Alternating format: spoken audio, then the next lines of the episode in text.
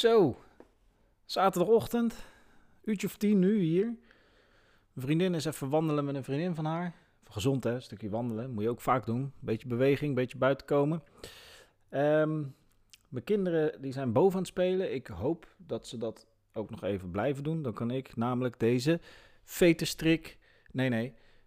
Ja, veterstrik vragen. Ik was gewoon vergeten hoe ik dit had genoemd. Veterstrik vragen de eerste mini-podcast van uh, mijn podcast Veterstrik Fanatics. Veterstrik Fanatics is een podcast die ik elke dinsdag online zet. Ik heb er nu twee online gezet, waarin ik uitgebreid inga op allerlei vragen over creativiteit, waarin ik allerlei al dan niet kortzichtige monologen hou over creativiteit en waarbij ik ook probeer uh, altijd iemand anders te spreken die veel creatiever is dan ik over hoe hij of zij te werk gaat binnen die creativiteit. Maar ik merk dat uh, als ik die podcast in een uur wil doen, dat ik uh, nog wat vragen van jullie, van jou overhoud.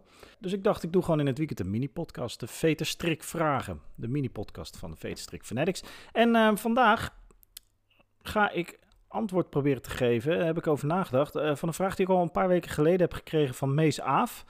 Die stelde de vraag via een privéberichtje op Twitter. Kan altijd, hè? Als je een vraag hebt over creativiteit of je wil uh, tips geven of uh, feedback geven.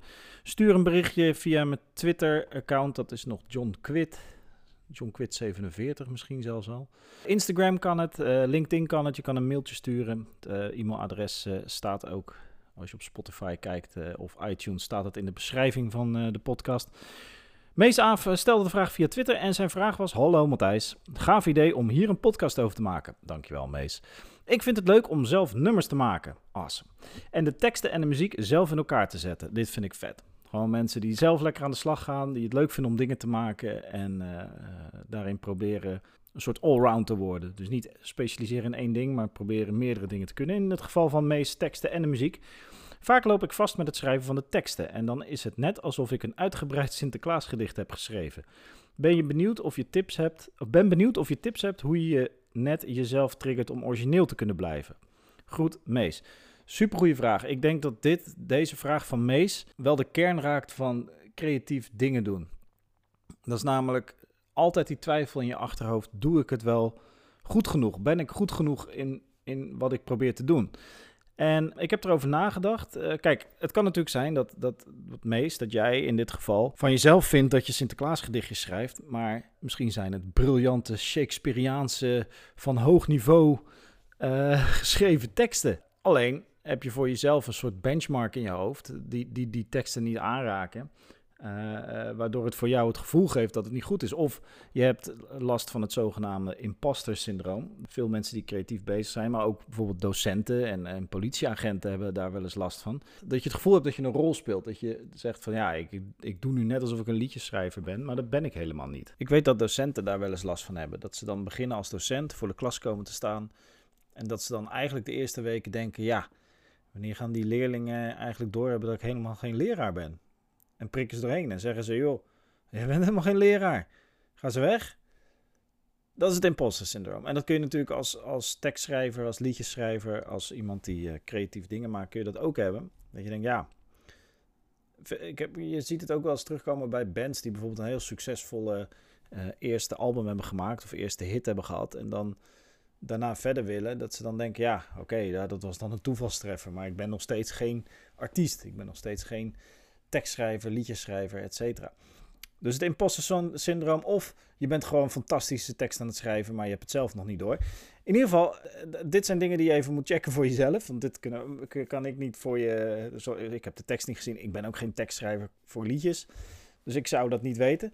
Maar ik heb wel nagedacht over hoe je uit deze situatie kan komen. En dat geldt natuurlijk voor iedereen die twijfelt of die hij of zij goed genoeg is in wat hij doet. En dat is eigenlijk zorgen dat je een actie- en feedback loop creëert. Actie wil zeggen, ik ben, ben heilig van overtuigd dat de beste manier om te leren en beter te worden is doen. Dus blijf vooral die liedtekstjes, liedtekstjes schrijven. Blijf vooral muziek maken. En de combinatie daarvan doen. Doen, doen, doen. Actie, actie, actie. Dat is belangrijker dan perfectie. Dat zal ik nog honderd keer herhalen in deze podcast. Actie is belangrijker dan perfectie. Dus je moet vooral doen. Je moet vooral maken en gaan. Ook al zijn het Sinterklaasrijmpjes, blijf gewoon bezig, want je zal zien dat in de loop der tijd dat daar verbeteringen optreedt. Mits En dat is het tweede deel. Mits je wel een feedback loop creëert voor jezelf. Dus dat was niet mijn dochtertje die feedback gaf op wat ik zojuist zei. Dat was mijn dochtertje die dacht dat mijn zoontje in deze kamer verstopt zat. Ook al had ik natuurlijk uitgebreid verteld dat ze overal in het huis verstoppertje mogen doen. Behalve even hier zo, zolang ik aan het opnemen ben. En eh, ik denk dat ze mijn zoontje nog steeds niet gevonden heeft. Anyway, creëer een feedback loop. En een feedback loop creëer je, uh, die, die is of intern of extern. Dus intern betekent dat je zelf goed de kwaliteit van je eigen werk kan inschatten. En hoe krijg je dat voor elkaar? Door te studeren. Dus bestudeer andere tekstschrijvers van liedjes. Bestudeer liedjes die je geweldig vindt. Uh, analyseer, uh, deconstrueer heel die tekst. Zodat je snapt waarom het zo'n goede tekst is. Doe hetzelfde met gedichten. Doe hetzelfde met andere. nou ja, je snapt wat ik bedoel. Dus bestudeer andere die je goed vindt. En probeer heel bewust te analyseren wat het is wat die teksten goed maakt. En daar zit natuurlijk altijd een soort subjectief element in, maar de enige manier om zelf te groeien is als je snapt waarom een ander iets goed kan. Dus leer van anderen, studeer en zorg dat die interne feedback loop, dat jouw kennis van wat goede teksten zijn, dat die groeit. tweede uh, manier om een feedback loop te creëren is extern. Dat is heel simpel, dat je mensen opzoekt die je hoog hebt zitten, waarvan je weet dat ze verstand hebben van teksten, van liedjes, of dat ze gewoon heel veel muziek luisteren en uh, uh, daarom een, goede, uh, een goed klankbord kunnen zijn. mensen die jou kunnen zeggen waarom jouw teksten wel of niet van een bepaald niveau zijn. En daar moet je gewoon de stoute schoen aan trekken. Vind jij Marco Borsato een geweldige liedjeschrijver? Oh, die zal niet altijd als eigen liedjes schrijven, bedenk ik nu. Ik kan even Oosterhuis, die, die, die, die broer van Treintje Oosterhuis.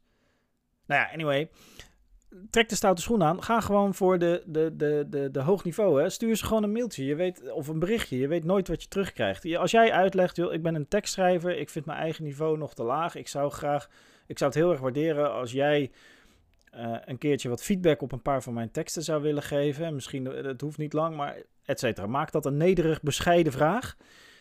En nou ja, misschien in, in, in vier van de vijf gevallen krijg je niks terug. Maar in die ene die wel terugstuurt, dat is goud waard.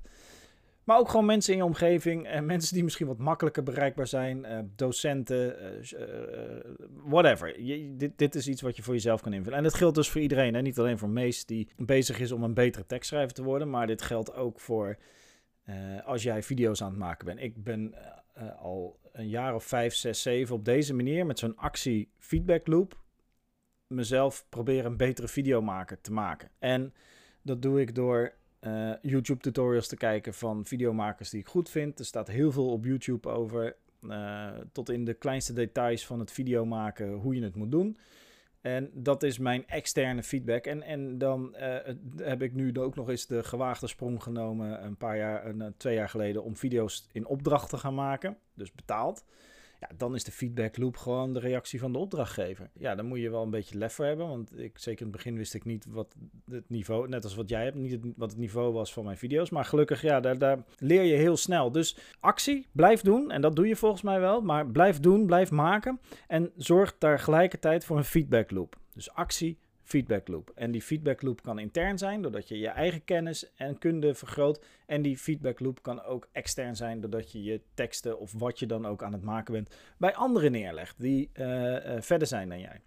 En op die manier denk ik dat het mogelijk is om naar een hoger niveau te komen. Ik denk dat dat is hoe wij leren met een actie- en feedback loop. Ik denk dat dat al begint bij nou ja, in dit geval eh, bij kindertjes die nu verstoppertje aan het spelen zijn, als ze leren fietsen, als ze leren lopen, als ze leren schrijven, het is doen. En een feedback loop creëren. Dus mensen die zeggen, nou dat moet anders of dat moet zo. Of in het geval bijvoorbeeld van fietsen, je gaat heel vaak op je bek en op een gegeven moment heb je door waarom. Uh, en dan blijf je op een gegeven moment zitten. Dus um, betere liedjesteksten schrijven is eigenlijk hetzelfde als leren fietsen. Creëer een feedback loop terwijl je het vooral blijft doen. Oké, okay, meest goede vraag. Ik denk een hele essentiële vraag voor heel veel mensen.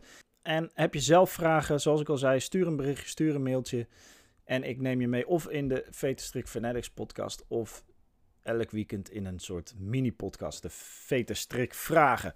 Ik vond het leuk. Ik wens jullie een fijn weekend of wanneer je dit dan ook luistert. En met jullie bedoel ik natuurlijk jou. Ik vergeet altijd dat jij in je eentje aan het luisteren bent.